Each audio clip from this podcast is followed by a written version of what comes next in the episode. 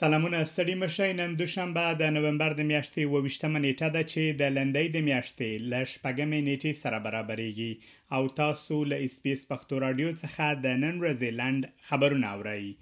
د اسرائیل او حماس ترمنځ څلور ورځنی اوربند د دوشنبې په ورځ خپلو وروستیو څلور ویشتو ساعتونو ته داخل شو. اوس پام دې ته متوجه دی چې آیا دا به وغځول شي او که نه اسرائیل د یرغمل شویو کورنیو او همدارنګه د متحده ایالاتو په څیر د متحدینو له خوا د زیاتیدونکي فشار سره مخ دی ترڅو په جګړې کې وقفه وغځوي.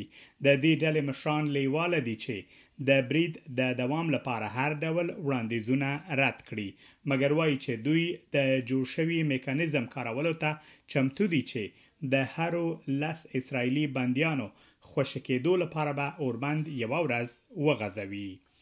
د حماس له خوا د دیارلس اسرائیلي برمته شویو خوشې شویو او د اوربند په درېیمه ورځ د اسرائیلو له خوا د نهه دېرش خوشې شویو فلسطینیانو طبي ارزونې او د کورنیو هرکلی دوام لري.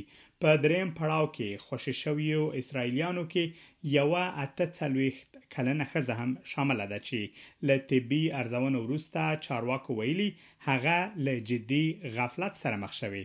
همداراز یوه څلور کلنه امریکایۍ استرالیایۍ نجلۍ هم خوشې شوې چې د حماس له خوا د خپلو والدینو وژنه یې لیدلې ده. د کارګر ګوند له توقیف ځایونو څخه د خوشې کېدونکو پناه غوښتونکو لپاره د ویزو نوي شرایط معرفي کړي دي. دغه نوی قانون وروسته له هغه معرفي کېږي چې د محکمې د حکم پر اساس په وروستیو کې لسګونه پناه غوښتونکي له توقیف ځایونو څخه خوشې شوي دي. حکومت په پام کې لري ترڅو پنځه څلوېښت نور کسان هم خوشې کړي چې په دې سره به د ټولو د ټولو خوشې شویو کسانو شمېر یو سل او اته دېرشو ته ورسېږي. د ارم آی ټي پوهنتون نوې څېړنه ښيي چې لوړ مهارت لرونکي مهاجر اکثراً د کار موندنې پر مهال له خنډونو سره مخ کېږي چې دغه کار دوی مجبوره کوي ترڅو د ټیټ مهارت لرونکو کسانو په بستونو کې کار وکړئ.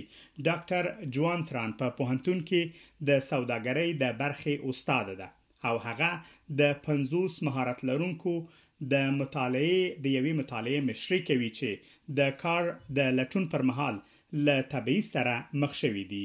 هغه وايي په کار ده ترڅو کډوال په بېلا بېلو بخشونو کې کار وکړي. له شپږ اونیو خبرو اترو وروسته په نوي زیلنډ کې د نېشنل ګوند مشر کریسټوفر لوکس د دغه هېواد د صدراعظم په توګه لوړه وکړه.